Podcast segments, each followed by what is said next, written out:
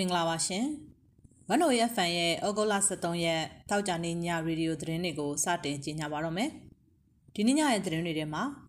ကြက်9000တန်းနဲ့1000တန်းတွေကိုရုပ်သိမ်းပြီးဗန်တွေပိတ်သိမ်းမယ်ဆိုတဲ့သတင်းမဟုတ်မှန်ကြောင်းဗဟိုဘဏ်ကထုတ်ပြန်လိုက်တဲ့သတင်း။ PDF တွေရဲ့ဘုံခွဲတိုက်ခိုက်မှုကြောင့်စစ်ကားနှစ်စီးဘုံထိမှန်ပြီးစစ်ကောင်စီတပ်သား20ကျော်တေဆုံးတဲ့တဲ့။လိုင်သာယာမြို့နယ်ကပရိုက်တာသမား9ဦးဖမ်းဆီးခံရပြီး ဥဆောင်သူကိုနေရာပြောင်းရွှေ့ထားတာကြောင့်စုံစမ်းမရဖြစ်နေတဲ့တဲ့ဖန်စီခံထားရတဲ့ပရိဟိတသမားကိုတူနေအောင်ကိုနှစ်လကျော်ကြာတဲ့အထိရုံးထုတ်စစ်ဆေးနိုင်ခြင်းမရှိသေးတဲ့တဲ့ဆရာနာရှင်ဟာဦးတန်းရွှေနဲ့ဇနီးဒေါ်ကြိုင်ကြိုင်တို့ COVID-19 ကူးစက်ခံထားရတယ်ဆိုတဲ့တဲ့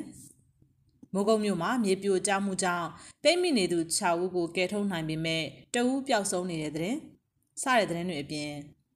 အဟောင်းတွေကမထွက်တဲ့စေအုပ်စုနဲ့အားကောင်းမောင်းတန်ຫນွေဦးတော်လှန်ရေးစောင်းပါနဲ့နိုင်ငံတကာသတင်းတွေကိုနားဆင်ရမှာပါ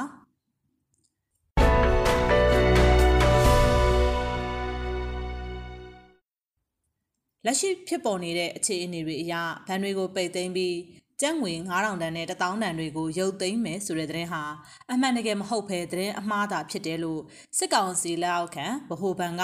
ဩဂုတ်လ23ရက်ဒီနေ့မှာထုတ်ပြန်လိုက်ပါတယ်။ ဗန်တွေကိုပိတ်သိမ်းပြီးတော့ကြက်ငွေ9000တန်းနဲ့1000တန်းတွေကိုရုပ်သိမ်းမယ်ဆိုတဲ့သတင်းကြောင့်ဗန်တွေမှာငွေထုတ်ယူသူတွေများပြားနေတယ်လို့ဗဟိုဘဏ်ကထုတ်ပြန်ပါတယ်။မြန်မာနိုင်ငံဗဟိုဘဏ်အနေနဲ့ငွေရေးကြေးရေးစနစ်တည်ငြိမ်အောင်ဆောင်ရွက်လျက်ရှိနေပြီးဗန်တွေအနေနဲ့သတ်မှတ်ချက်တွေအတိုင်းခိုင်မာစွာဝန်ဆောင်မှုပေးလျက်ရှိနေတယ်လို့ဗဟိုဘဏ်ကဆိုပါတယ်။ငွေကြေးနဲ့ဗန်ဝင်ဆောင်မှုတွေအပေါ်ကိုစိုးရိမ်မှုမရှိဘဲယုံကြည်စွာသုံးစွဲနိုင်ကြောင်းနဲ့ ဗန်ဝင်ဆောင်မှုတွေပုံမှန်ဆောင်ရွက်ဖို့ဗန်တွေကိုညွှန်ကြားထားတယ်လို့စစ်ကောင်စီလက်အောက်ခံဗဟိုဘဏ်ကထုတ်ပြန်ထားတာဖြစ်ပါတယ်။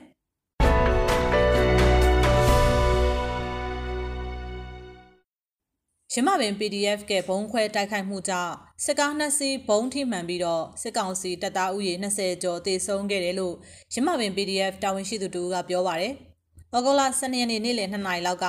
ပလဲနယ်ဘက်ကနေစစ်ကား၅စီးနဲ့ပြန်လာတဲ့စစ်ကောင်စီရင်နှန်းကိုရမပင် PDF က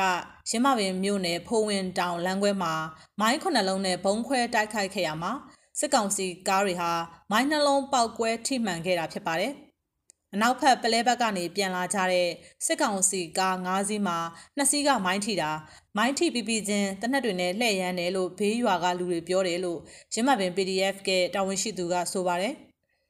အဲ့ဒီဘုံခွဲတိုက်ခိုက်မှုမှာရမပင် PDF ဘက်ကတော့ထိခိုက်ကြဆုံးမှုမရှိဘူးလို့သိရပါတယ်။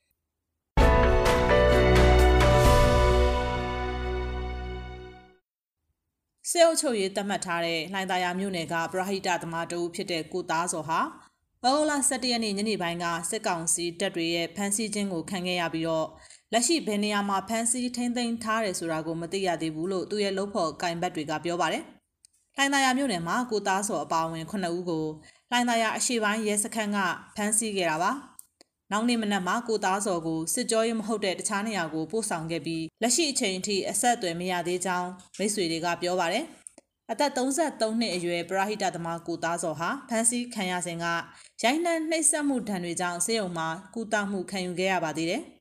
စစ်ကောင်စီတပ်တွေသူ့ကိုဝိုင်းရိုက်ကြလို့ကွဲပြဲပြီးဆေးရုံမှာကုသခဲ့ရတယ်လို့ပြန်ကြားရတယ်စစ်ကြောရေးတော့မဟုတ်ဘူးစစ်ကြောရေးထက်စိုးတယ်လို့ပြောတယ်တတိချာချာတော့မသိရသေးဘူးသူ့ကိုဖောက်ခွဲတွေလုပ်နေတယ်ပောက်ကွဲမှုတွေကသူနဲ့ပတ်သက်နေတယ်ဆိုပြီးသတင်းတွေထွက်နေတာသူကပရဟိတပဲတောက်လျှောက်လုပ်နေတာလှိုင်းသာမှာနာမည်ရှိတဲ့သူ့အတွက်တော့တော်တော်လေးစိုးရိမ်နေရတယ်လို့ပရဟိတလုပ်ဖို့ကင်ဘတ်တူကပြောပါတယ် ကိုသားစောဟာလှိုင်းသာယာမြို့နယ်မှာစေအုပ်ချုပ်ရေးကြီးညာပြီးတဲ့နောက်ဖမ်းဆီးမှုတွေရှိလာတဲ့အတွက်လှိုင်းသာယာကနေတင်းရှောင်နေရသူဖြစ်ပြီးကိုဗစ်တတိယလှိုင်းမှာအောက်ဆီဂျင်လိုအပ်ချက်တွေဖြည့်ဆည်းကူညီပေးနိုင်ဖို့ပြန်လည်ရောက်ရှိလာချိန်မှာဖမ်းဆီးခံခဲ့ရတာဖြစ်ပါတယ်။ထိုင်သာယာမြို့နယ်မှာလူမှုရေးကိစ္စတွေကိုပါဝင်ကူညီဆောင်ရွက်ခဲ့ပြီးဆန္ဒပြပွဲတွေဖြစ်ပွားတဲ့အချိန်ကကူညီကယ်ဆယ်ရေးလုပ်ငန်းတွေကိုဦးဆောင်ခဲ့တဲ့အပြင်တားစော်နာမည်နဲ့တခြင်းတွေကိုတည်ဆူနေသူတူဖြစ်တယ်လို့သိရပါတယ်။ အကြမ်းဖက်အာဏာသိမ်းခဲ့တဲ့ဖေဖော်ဝါရီလရက်နေ့ကနေဩဂုတ်လ12ရက်နေ့အထိစစ်ကောင်စီလက်ချက်ကြောင့်ပြည်သူ966ဦးသေဆုံးခဲ့ရပြီးဖမ်းဆီးချုံနှောင်ခံထားရသူဟာ9562ဦးရှိနေပြီဖြစ်တယ်လို့နိုင်ငံရေးကျင်းသားများကုညီဆောင်ရှောက်ရေးအသင်း AAPP ကထုတ်ပြန်ထားပါတယ်။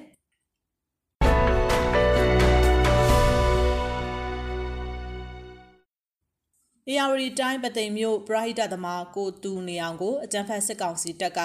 မေလ19ရက်နေ့ကတည်းကဖမ်းဆီးသွားခဲ့ပြီးနှစ်လခွဲကျော်ကြာတဲ့အထိရုံးထုတ်စစ်ဆေးမှုတွေမပြုလုပ်သေးဘူးလို့သိရပါတယ်။အကြမ်းဖက်စစ်ကောင်စီက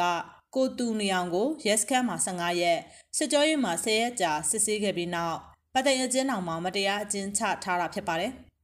ဖမ်းသွားတာ3လလောက်ရှိနေပြီအခုထိတော့ရုံးမထုတ်သေးဘူးရုံးထုတ်ရှိတယ်ပြောလိုက်ပြက်သွားလိုက်နဲ့တော်တော်လေးကြာနေပြီသူနဲ့အတူတူဖမ်းခံရတဲ့တယောက်ကတော့ရက်ပိုင်းနဲ့ပြန်လွတ်လာပြီးပုံမှန်အတိုင်းသွားလာနေတယ်သူကမလွတ်တဲ့အပြင်ခုထိတောင်ရုံးမထုတ်သေးဘူးရှေ့နေတွေစီကသိရတာတော့ဖောက်ခွဲငါးဆိုတဲ့ဟာနဲ့တရားစွဲခံထားရတယ်လို့သိရတယ်လို့ကိုတူနေအောင်နဲ့နီးစပ်သူတူကပြောပါတယ်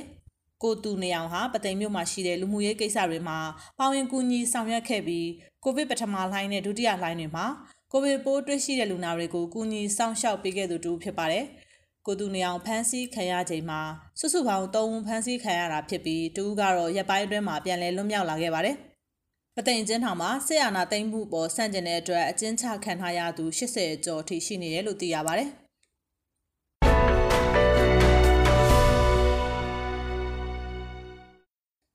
ဘရူနိုင်းအစိုးရဖွဲ့နဲ့မြန်မာစစ်ကောင်စီတို့ဟာစီးပွားရေးအရဆက်နွယ်မှုတွေရှိနေတဲ့အတွက်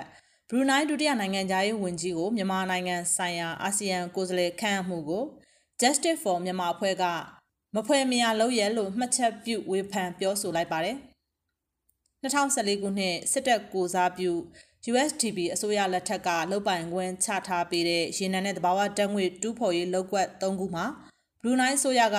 ရာနှုန်းပြည့်ပိုင်ဆိုင်ထားတဲ့ Brunei Energy မြန်မာကရှယ်ယာတွေကိုပိုင်ဆိုင်ထားပါတယ်။ Brunei Energy ဟာ မြန်မာပြည်တွင်းစီးပွားရေးမိတ်ဖက် USDP ပါတီအတွင်းမှုတင်တဲ့ဝန်ကြီးဟောင်းဖြစ်သူဦးအောင်တောင်းရဲ့တားဖြစ်သူတို့ပိုင်ဆိုင်တဲ့ IEG Group ဖြစ်ကြောင်း Justice for မြန်မာကဖော်ပြထားပါတယ်။ Justice for မြန်မာရဲ့ပြောရေးဆိုခွင့်ရှိသူမတ်ရတနာမောင်ကတရားမဝင်စစ်ကောင်စီနဲ့သူတို့ရဲ့နာမည်ဆိုးနဲ့ကြော်ကြားတဲ့ခရိုနီတွေနဲ့စီးပွားရေးပူးပေါင်းလုပ်ကင်နေတဲ့ဘရူနိုင်းကသူတို့ဒုတိယနိုင်ငံသားရေးဝန်ကြီးကိုအာဆီယံအထူးကိုယ်စားလှယ်ခန့်အပ်လိုက်တာဟာလောင်ပြောင်စရာတရက်ဖြစ်ပါတယ်။ စစ်ကောင်စီနဲ့သူတို့ရဲ့ခရိုနီတွေနဲ့စီးပွားရေးအကျိုးစီးပွားတွေအတွက်ကိုစားပြုနေသူကိုဂျားနဲ့စေစက်ညှိနှိုင်းသူအဖြစ်စဉ်းစားဖို့မဖြစ်နိုင်ပါဘူးလို့ပြောဆိုလိုက်ပါတယ်။ Brunei Energy ကလုတ်ပိုင်ခွင့်ရရှိခဲ့တဲ့ရေနံနဲ့သဘာဝဓာတ်ငွေလုတ်ကွက်၃ခုဟာထန်းတပင်မှာရှိတဲ့ IOR 5လုတ်ကွက်ရွှေပြည်သာမှာရှိတဲ့ IOR 7လုတ်ကွက်နဲ့မကွေးတိုင်းဒေသကြီးအတွင်းကြောက်ကြီးမင်းတုံးမှာရှိတဲ့ EP1 လုတ်ကွက်တွေဖြစ်တယ်လို့ Justice for Myanmar ကဖော်ပြပါတယ်။ အာဆီယံအပေါ်မှာသာမိခိုနေမယ်ဆိုရင်မြန်မာပြည်သူတွေအတွက်အဖြစ်ဆိုးတွေသာပိုပြီးဖြစ်ပေါ်လာပါလိမ့်မယ်လို့ထုတ်ပြန်ကြမှာရေးသားထားပါတယ်။စစ်ကောင်စီရဲ့အာဏာသိမ်းမှုနဲ့အကြမ်းဖက်စစ်စင်ရေးတွေကြောင့်ဖြစ်ပွားနေတဲ့လူသားချင်းစာနာထောက်ထားမှုနဲ့လူအခွင့်အရေးအကြက်တဲတွေအပေါ်အရေးပေါ်ကြောင်းဝင်ဖြည့်ရှင်းပေးဖို့ကုလသမဂ္ဂထံတောင်းဆိုထားကြောင်းကိုလည်း Justice for Myanmar အဖွဲ့ကပြောပါတယ်။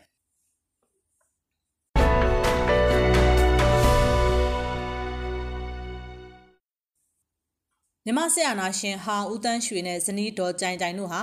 COVID-19 ရောဂါပိုးကူးစက်ခံထားရပြီးနှစ်ပတ်ခန့်ဆေးရုံဆက်လက်တက်ရောက်ရပွဲရှိနေတယ်လို့သတင်းအရင်းမြစ်တူက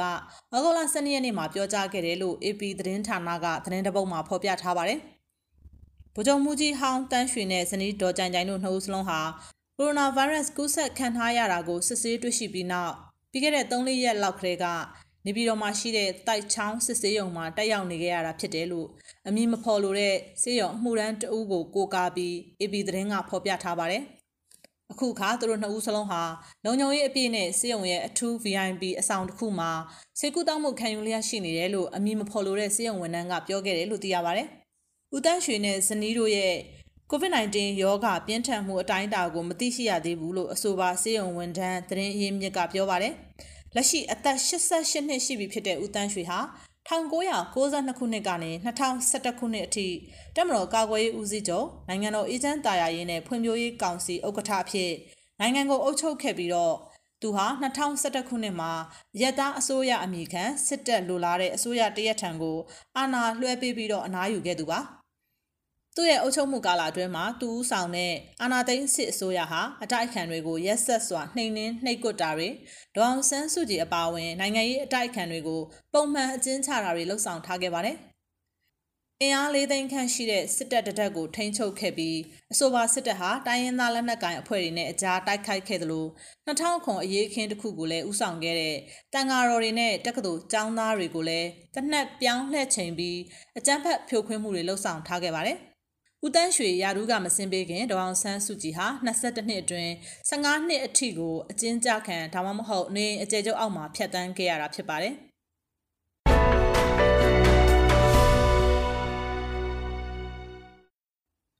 မိုးကုတ်မြို့မှာဒီနေ့ဩဂုတ်လ23ရက်နေ့မနက်ပိုင်းကမိုးသည်ထန်စွာရွာသွန်းခဲ့တာကြောင့်ရေကြီးမြေပြိုမှုတွေဖြစ်ခဲ့ပြီးလူ9ဦးပိတ်မိခဲ့တဲ့အနက်6ဦးကိုကယ်တင်နိုင်ခဲ့ပြီးတဦးပျောက်ဆုံးနေဆဲဖြစ်တယ်လို့သိရပါဗျ။ လက်ရှိမှာမိုးကုတ်မြို့ကမြို့လေရက်ကွက်မင်းတရာရက်ကွက်စီပင်သားရရက်ကွက်ရွှေဘုံသားရက်ကွက်အစရှိတဲ့ရက်ကွက်တွေမှာချောင်းရည်တက်တာတွေကြုံတွေ့နေရတယ်လို့သိရပါဗျ။လက်ရှိအချိန်ထိကယ်နေတော့မဲဘယ်ရက်ကွက်တွေထိခိုက်တယ်ဆိုတာကိုတော့အတိမပြုတ်နိုင်သေးပါဘူး။နေ့လယ်ပိုင်းလောက်တော့အတိပြုတ်နိုင်ပါပြီလို့ဒေသခံတအူးကပြောပါတယ်။မြက်စေတနာလူမှုကူညီရေးအသင်းနဲ့မိုးကုတ်မြို့နယ်လူမှုကူညီရေးအသင်းတွေကလူနာတင်ရင်တွေနဲ့လူနာတွေကိုမိုးကုတ်မြို့နယ်ပြည်သူ့စေယုံကြီးကိုပို့ဆောင်ပေးခဲ့တယ်လို့သိရပါတယ်။ ဩဂုတ်လ12ရက်နေ့ကမိုးကုတ်မြို့အနောက်ပိုင်းကြောက်ဖြူရက်ကွက်မှာရေကြီးမြေပြိုမှုကြောင့်9နှစ်အရွယ်ကလေးတူပါဝင်မိသားစု3ဦးသေဆုံးခဲ့ရပါတယ်။ဒါ့အပြင်ဩဂုတ်လ17ရက်နေ့ညကလေးကမိုးတဲထန်စွာရွာသွန်းခဲ့တာကြောင့်တောင်ကျရေနဲ့ချောင်းရည်တွေကြီးပြီးနေရအနှံ့အပြားမှာရေကြီးရေရှမ်းမှုနဲ့မြေပြိုမှုတွေဖြစ်ပေါ်ခဲ့ပြီးလမ်းပိတ်ဆို့တာတွေလည်းရှိခဲ့ပါတယ်။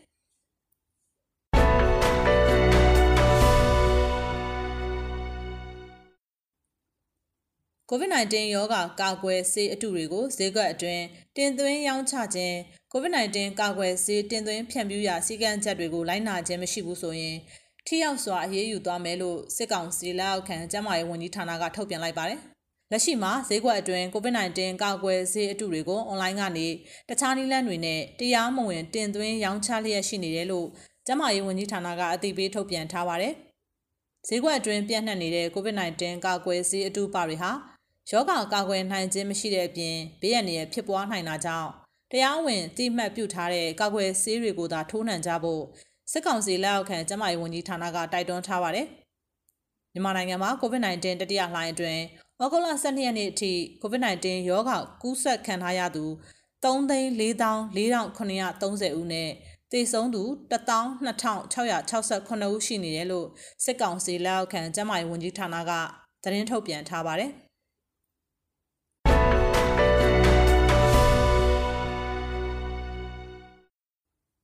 အာဏာသိမ်းမှုကိုစန့်ကျင်ဆန္ဒပြပြီးနောက်မြန်မာနိုင်ငံကိုပြန်လာဖို့ညှင်းဆန်ခဲ့တဲ့လက်ရေးစင်ကိုသမားပြည့်ရှံအောင်ဟာအခုခါမှာဂျပန်နိုင်ငံမှာဒုက္ခသည်အဖြစ်ရေရှည်နေထိုင်ခွင့်ရသွားပြီဖြစ်တယ်လို့အဲ့ဒီကိစ္စကိုသိရှိနေသူတူကဩဂုတ်လ12ရက်နေ့မှာပြောပါတယ်။ဂျပန်ဆိုရကကိုသမားပြည့်ရှံအောင်ရဲ့ခိုလုံခွင့်လျှောက်ထားမှုကိုလက်ခံခွင့်ပြုပေးလိုက်ပြီးဖြစ်ကြောင်းနဲ့အကြောင်းမှာသူ့အနေနဲ့လက်ရှိချိန်မှာမြန်မာနိုင်ငံကိုပြန်သွားရင်နှိတ်ကွညှင်းပန်းမှုတွေနဲ့ရင်ဆိုင်ရနိုင်လို့ဖြစ်ကြောင်းအဆိုပါပုဂ္ဂိုလ်ကပြောကြားခဲ့ပါတယ်။ အခုလိုခွင့်ပြုပေးလိုက်တဲ့အခြေအနေနဲ့ပတ်သက်ပြီးအသိပေးစာကိုဩဂုတ်လ20ရက်နေ့မှာအာဏာပိုင်တွေကတရားဝင်ပေးဖို့အကြောင်းကြားမယ်လို့သိရပါတယ်။ကျိုရိုနယူးသတင်းဌာနနဲ့တွေ့ဆုံရမှာပြည်ရှင်အောင်အနေနဲ့သတင်းကောင်းကြားသိခဲ့ရပြီးအင်မတန်ပျော်ရွှင်ဝမ်းသာနေမိကြောင်းပြောခဲ့သလိုအခုသတင်းကိုမြန်မာနိုင်ငံမှာရှိတဲ့သူ့ရဲ့မိသားစုတွေထံပြောပြထားပြီးဖြစ်ကြောင်းနဲ့သူ့အနေနဲ့အိမ်မပြန်နိုင်ပေမဲ့လည်းမိခင်နိုင်ငံကိုလွမ်းဆွတ်နေမိကြောင်းပြောသွားခဲ့ပါတယ်။ ဒုက္ခသည်အဖြစ်အတိမတ်ပြုခံရခြင်းကြောင့်ပြည်ရှင်အောင်အနေနဲ့ဂျပန်နိုင်ငံမှာကာလရှည်ကြာနေထိုင်သူတူအဖြစ်နေထိုင်ခွင့်ရရှိမှာဖြစ်ပါတယ်။သူဟာပြီးခဲ့တဲ့ဇူလိုင်လကုန်ပိုင်းကယိုကိုဟာမာမှာရှိတဲ့ J League တတိယတန်းအသင်းတစ်သင်းနဲ့ပူးပေါင်းပြီးလေ့ကျင့်မှုတွေလုပ်ဆောင်နေခဲ့ပါတယ်။မြမလက်ရေးစဉ်အရန်ကိုသမားပြည့်ရှင်အောင်ဟာပြီးခဲ့တဲ့မေလကုန်ပိုင်းကဂျပန်အသင်းနဲ့မြန်မာအသင်းကြားပွဲစဉ်တပွဲမှာ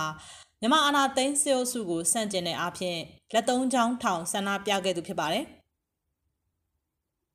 သူဟာအများဆုံးရက်90သာနေထိုင်ခွင့်ရှိတဲ့ကာလာတိုဗီဇာတစ်ခုနဲ့အတူမြမလက်ရေးစဉ်ဘောလုံးအသင်းရဲ့အသင်းသားတူဖြစ်အဲ့ဒီလအစောပိုင်းကဂျပန်နိုင်ငံကိုဝင်ရောက်ခဲ့တာပါအဲ့ဒီနောက်ဇူလိုင်လ16ရက်နေ့မှာမြန်မာအသင်းဂျပန်နိုင်ငံကနေပြန်လည်ထွက်ခွာတော့မယ့်အချိန်မှာပြည့်ရှင်အောင်ကသူ့အနေနဲ့မြန်မာနိုင်ငံကိုပြန်မလိုက်လို့ပဲဂျပန်နိုင်ငံမှာဆက်လက်နေထိုင်လို့ကြောင်းအိုဆာကာစီမ်စုကမ်ဆိုင်လေဆိပ်ကနေလူဝင်မှုအရာရှိတွေကိုပြောကြားခဲ့ပါတယ်။ သူကအာနာသိမ့်မှုကိုစန့်ကျင်ကြောင်းပြသတဲ့လက်သုံးချောင်းထောင်တင်ကေတာကိုပြသခဲ့မှုအတွက်နိုင်ငံကိုပြန်သွားမယ်ဆိုရင်အသက်ဘေးစိုးရင်ရတာကြောင့်အသင်းနဲ့အတူပြန်လိုက်မသွားပဲဂျပန်နိုင်ငံမှာဆက်လက်ရှိနေခဲ့ပြီးဒုက္ခသည်အဖြစ်တရားဝင်နေထိုင်ခွင့်လျှောက်ထားခဲ့တာဖြစ်ပါတယ်။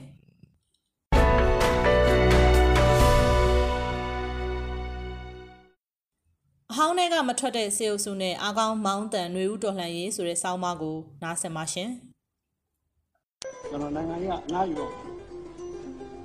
အနားယူတော့မယ်ဆိုကြတယ်လို့နောင်အဖွဲ့အစည်းတွေတာဝန်အပြည့်ကိုကဲနိုင်တဲ့အထီတော့ကျွန်တော်တို့နိုင်ငံကို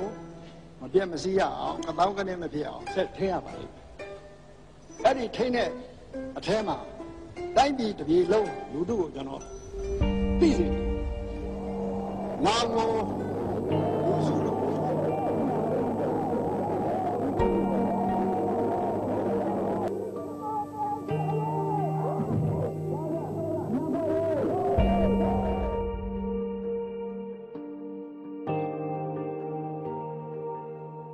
ငါတို့ကိုမဆန့်ကျင်ရင်အားလုံးနဲ့အလုံးလုံးလို့ရတယ်။သူတို့ကိုငါတို့အတုံးချမယ်။ဒီစကားကိုပြောခဲ့သူက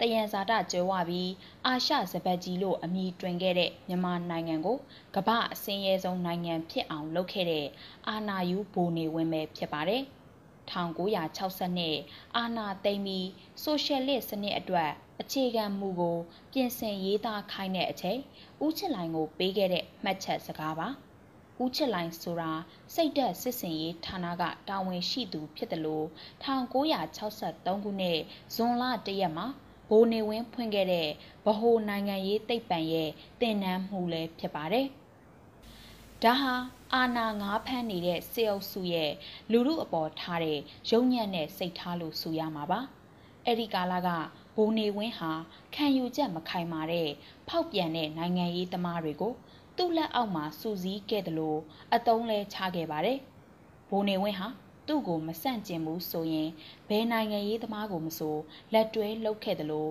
အဲ့ဒီသူတွေရဲ့အရေးအချင်းတွေကိုလည်းနှီးပေါင်းစုံနဲ့တုံးခဲ့ပါတယ်။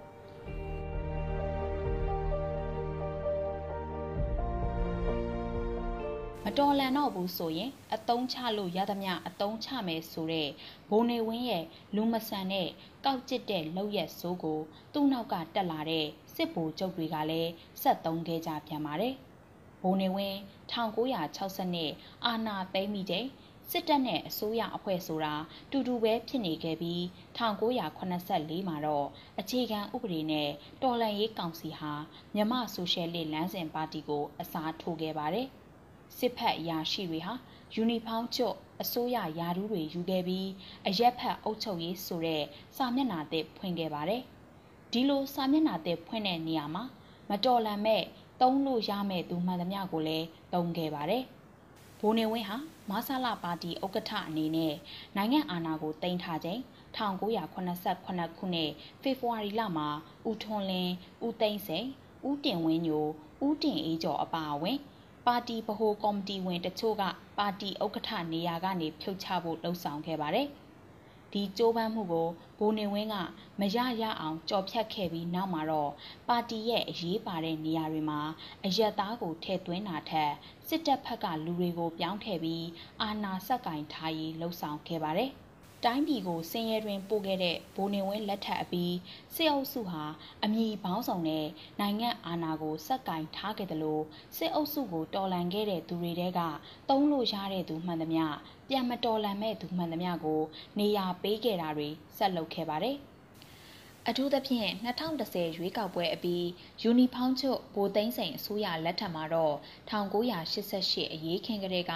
စစ်အုပ်စုကိုနှီးပေါင်းစုံနဲ့တော်လှန်ခဲ့သူတွေကိုဖိတ်ခေါ်ခဲ့တာကြောင့်ပြည်တော်ပြန်ဆိုတဲ့လူရန်စားတရက်ထွက်ပေါ်လာပါတော့တယ်။ငွေလိုရင်ငွေကားလိုရင်ကားယာဒူးလိုချင်ယာဒူးပေးပြီးစီးရုံခဲ့ပြီးတုံးလို့ရတဲ့နေရာမှန်သမျှထည့်သုံးပြီးတစ္ဆာခံစီခဲ့ပါတယ်။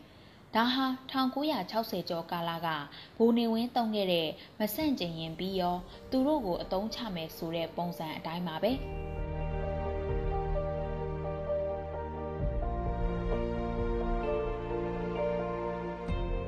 စစ်အုပ်စုဟာ1990ကပြုလုပ်ခဲ့တဲ့အကျင့်အတိုင်းရွေးကောက်ပွဲအနိုင်ရမျိုးသားဒီမိုကရေစီအဖွဲ့ချုပ် NLD ပါတီကိုအာဏာမပေးချင်တာကြောင့်2020ရွေးကောက်ပွဲအပြီး2021ခုနှစ်ဖေဖော်ဝါရီလ1ရက်မှာအာဏာထပ်သိမ်းခဲ့ပါတယ်။အာဏာသိမ်းပြီဆိုလိုက်တာနဲ့စစ်အုပ်စုဟာပြည်သူလူထုရဲ့စန့်ကျင်ဆန္ဒပြမှုတွေနဲ့ချက်ချင်းဆိုသလိုကိုရင်ဆိုင်ခဲ့ရပါတယ်။ နိုင်ငံတော်ဝန်တိမ့်တန်းချီတဲ့လူထုက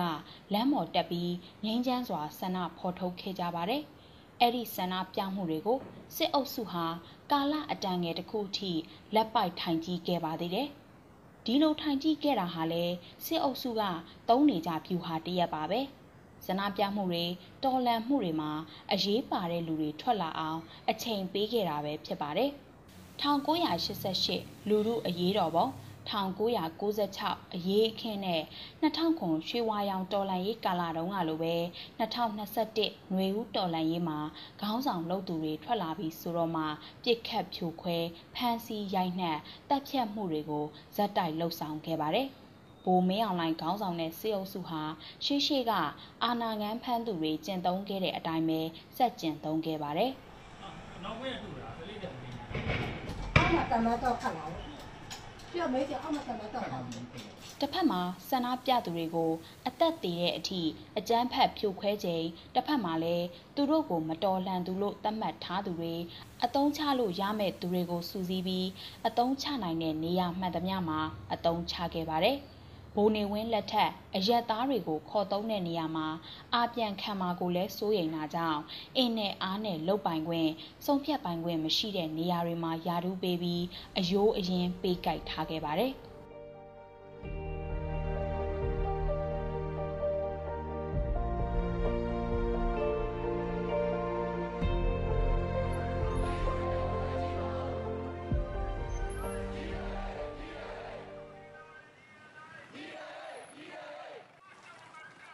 စစ်အုပ်စုက6လကျော်အာဏာသိမ်းမိချိန်အထိအုပ်ချုပ်ရေးရန်ရာတွေအသက်မသွင်းပေးနိုင်သလိုဝန်ထမ်းတွေရဲ့အကြမ်းမဖက်အာဏာဖီဆန်ရေး CDM ကြောင့်ကျန်းမာရေးပညာရေးစတဲ့ရန်ရာတွေရပ်တန့်နေတုံးဖြစ်ပါတယ်။ဒီရန်ရာတွေကိုပြန်အသက်သွင်းနိုင်တဲ့စွမ်းဆောင်ရည်ဟာစစ်အုပ်စုစီမှာတပြားသားမှမရှိပါဘူး။ ဒါကြောင့်အဆွေနဲ့လက်သေးကိုဝက်လို့ကြောင်သူတော်ရောင်ဆောင်ပြီးပြန်လာခြင်းသူတွေပြန်လာကြအမှုတွေရုပ်သိမ်းပေးမယ်လို့အထက်စီးကနေဖိတ်ခေါ်နေရပါတယ်ဖိတ်ခေါ်တဲ့နေရာမှာလဲလူလူကမဲပေးထားသူတွေအများစုနဲ့ဖွဲ့စည်းထားတဲ့ CRPH, NUG နဲ့2020ရွေးကောက်ပွဲအနိုင်ရ NLD ပါတီကိုအစွန်းရောက်တွေ အကြမ်းဖက်သမားတွေလို့ဆွဆွဲပြီးဒီလူတွေကြောင့်ဆန္ဒပြမှုတွေအကြမ်းဖက်မှုတွေဖြစ်ရပါတယ်လို့ဆွဆွဲထားတဲ့အပြင်ဒီအစုအဖွဲ့တွေရဲ့ဖိအားကြောင့်စစ်အုပ်စုစန့်ကျင်ရေးလှုပ်ရှားမှုမှာပါဝင်တဲ့ចောင်းသားဝန်ထမ်းနိုင်ငံသားတွေမစိုးရိမ်ကြဘဲပြန်လာကြပါဖွင့်ထားတဲ့အမှုတွေကိုပိတ်သိမ်းရုပ်သိမ်းပေးမယ်လို့ကမ်းလှမ်းနေခဲ့ပါတယ်စစ်အုပ်စုကပြန်လာဖို့ကမ်းလှမ်းတာဟာအကန့်အသတ်တွေနဲ့ပါယခုကာလအတွင်းလူတက်မှုလူရက်မှု မီးရှို့မှုမိုင်းဖောက်ခွဲမှုလုံခြုံရေးတပ်ဖွဲ့ဝင်များအားရည်ရွယ်ချက်ရှိရှိတိုက်ခိုက်မှုပြည်သူဝန်ထမ်းများနှင့်ပြည်သူအချို့အားအုပ်စုဖွဲ့ကိုထိလက်ရောက်တိုက်ခိုက်မှုအစိုးရပိုင်းအစာအုပ်များနှင့်ပုဂ္ဂလိကပိုင်းအစာအုပ်များအားဖျက်ဆီးမှုစီဒီယန်လှုပ်ရှားမှုတွင်ငွေကြေးအရာဖြစ်စေတခြားနီလန်းအရာဖြင့်ဖြစ်စေနက်ဆိုင်စွာကာယကံမြောက်ပါဝင်သူများမှအပလို့ဆိုထားပါတယ်။စစ်အုပ်စုကိုလက်နက်ကင်တော်လှန်နေသူတွေအပြင် စီးရီးယားမှာပါဝင်သူတွေကိုတော့အညိုးတကြီးနဲ့ကိုပြစ်မှတ်ထားခြံလှပ်ထားပါတယ်။ CDM လုပ်နေသူတွေ CDM ကူညီသူတွေကြောင့်6လကျော်အထိရန်နီယာတွေမတီစောက်နိုင်တာကိုစစ်အုပ်စုကအခဲမကြေဖြစ်နေတဲ့ဆိုတာကိုဒီကမ်းလှမ်းချက်ကဖော်ပြနေပါတယ်။1988လူမှုအရေးတော်ပုံအပြီးကာလမှာလက်နက်ကင်တော်လှန်ရေးလုပ်ဖို့နေဆက်ရောက်ကုန်တဲ့ចောင်းသားတွေကိုစစ်အုပ်စုကပြန်ခေါ်ခဲ့ပူပါတယ်။ တချို့ចောင်းသားနဲ့ပြည်သူတွေပြန်လာခဲ့ကြပေမဲ့ဘယ်နေရာဘယ်ဌာနကိုရောက်လို့ရောက်ကုန်မှန်းမသိပဲအစာဖြောက်ခံခဲ့ရမှုတွေရှိခဲ့ပူပါတယ်။စစ်အုပ်စုဟာသူတို့ကိုမတော်လန်သူအပြင်တုံးလို့ရသူကိုပဲလိုချင်ခဲ့တာဟာဘိုးနေဝင်းလက်ထက်ကလေးကကျင့်သုံးခဲ့တဲ့အကျင့်စရိုက်ဆိုးတစ်ခုဖြစ်နေပါတယ်။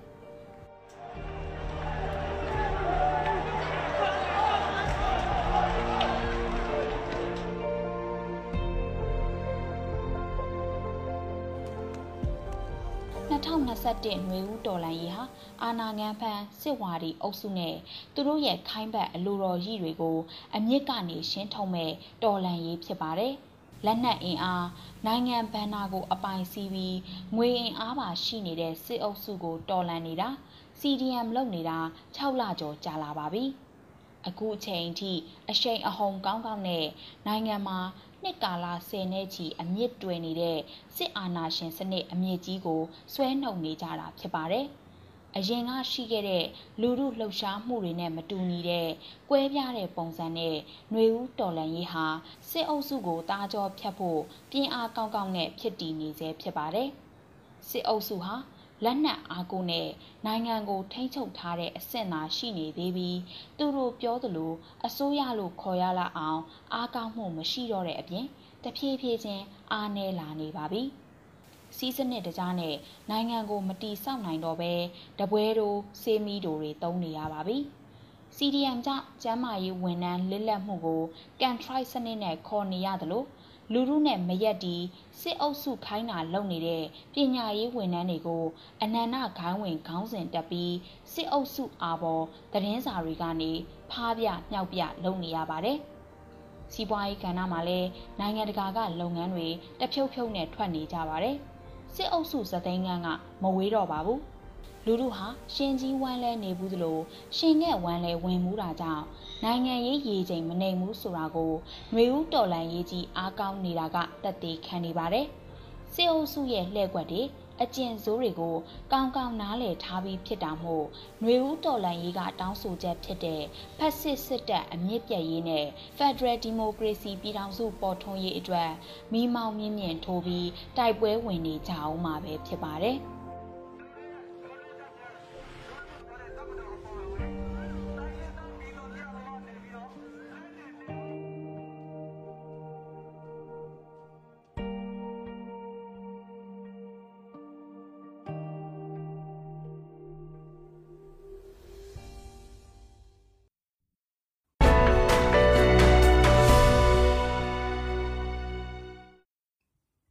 ဆက်လက်ပြီးတော့နိုင်ငံတကာသတင်းတွေကိုတင်ဆက်ပေးမှာပါတရုတ်နိုင်ငံအလဲပိုင်းမှာမိုးကြီးမှုကြောင့်လူ22ဦးသေဆုံးခဲ့ပါတယ်တရုတ်နိုင်ငံအလဲပိုင်းဟူပေပြည်နယ်မှာမိုးတဲကြီးမဲကြီးရွာသွန်းခဲ့တာတွေရှိခဲ့ပြီးတော့အ ਨੇ ဆုံးလူ22ဦးသေဆုံးခဲ့ကြောင်းအာဏာပိုင်တွေကဩဂုတ်လ23ရက်နေ့မှာပြောကြားပါတယ်အဲ့ဒီမတိုင်ခင်သတင်းပတ်တွေကလည်းအနီးအနားပြည်နယ်တစ်ခုမှာစံချိန်တင်ရေလွှမ်းမိုးမှုတွေကကတောင်းကနင်းအခြေအနေတွေကိုဖြစ်ပေါ်စေခဲ့ပြီးလူရာချီသေဆုံးထားခဲ့ပါတယ်။ တရုတ်မှာမကြသေးတဲ့ကာလတွေကမကြုံစဘူးမိုးကြီးတဲ့ဒဏ်ကိုခံစားထားခဲ့ရပြီးကဘာကြီးပူနွေးလာမှုကြောင့်ပြင်းထန်တဲ့ရာသီဥတုနဲ့ပုံမိုကြုံတွေ့လာနေရကြောင်းပညာရှင်တွေကပြောခဲ့ပါတယ်။ဟူပေပြည်နယ်မှာမိုးတဲကြီးမဲကြီးရွာသွန်းထားတာကြောင့်တအားတွေပြတ်တောက်နေပြီးမြေပြိုမှုတွေဖြစ်ပေါ်ကနေရာနဲ့ချီပျက်စီးခဲ့ရပြီးလူပေါင်း6000နီးပါးဟာဘေးလွတ်ရာကိုရွှေ့ပြောင်းခဲ့ရတယ်လို့ပြည်내အရေးပေါ်စီမံခန့်ခွဲမှုဗျူရိုကပြောပါတယ်။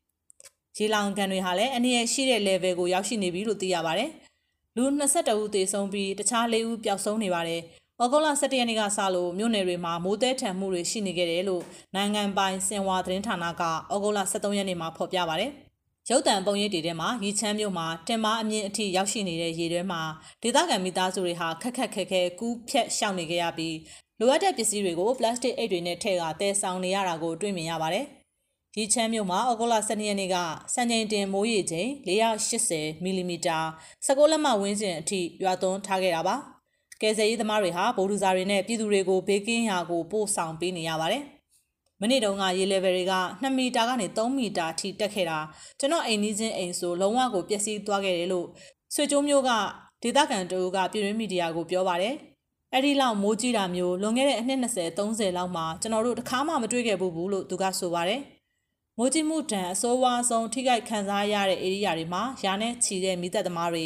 ထောင်နဲ့ချီတဲ့ရဲနဲ့စစ်တပ်တွေဆေလွတ်ထားတယ်လို့တရုတ်ရဲ့အရေးပေါ်စီမံခန့်ခွဲမှုဝန်ကြီးဌာနကထုတ်ပြန်ပါတယ်။ပြီးခဲ့တဲ့သတင်းပတ်ကုံကမိုးကြီးပြီးမြေပြိုမှုတွေဖြစ်ခဲ့တဲ့စီချွမ်ပြည်နယ်မှာလူပေါင်းတသိန်းလောက်ဟာဘေးလွတ်ရာကိုရွှေ့ပြောင်းခဲ့ရပါတယ်။တရုတ်အလယ်ပိုင်းဟဲနန်ပြည်နယ်မှာပြီးခဲ့တဲ့လကလည်း စံချိန်တင်မိုးကြီးခဲ့ပြီးတော့မြို့တစ်မြို့မှာမိုးရွာသွန်းမှုဟာတစ်နှစ်စာရေပမာဏကို3ရက်အတွင်းတွန်ချခဲ့တာရှိခဲ့ပြီးနောက်ရှမ်းပြည်နယ်တဝမ်းမှာလူပေါင်း300ကျော်သေဆုံးခဲ့ရပါတယ်။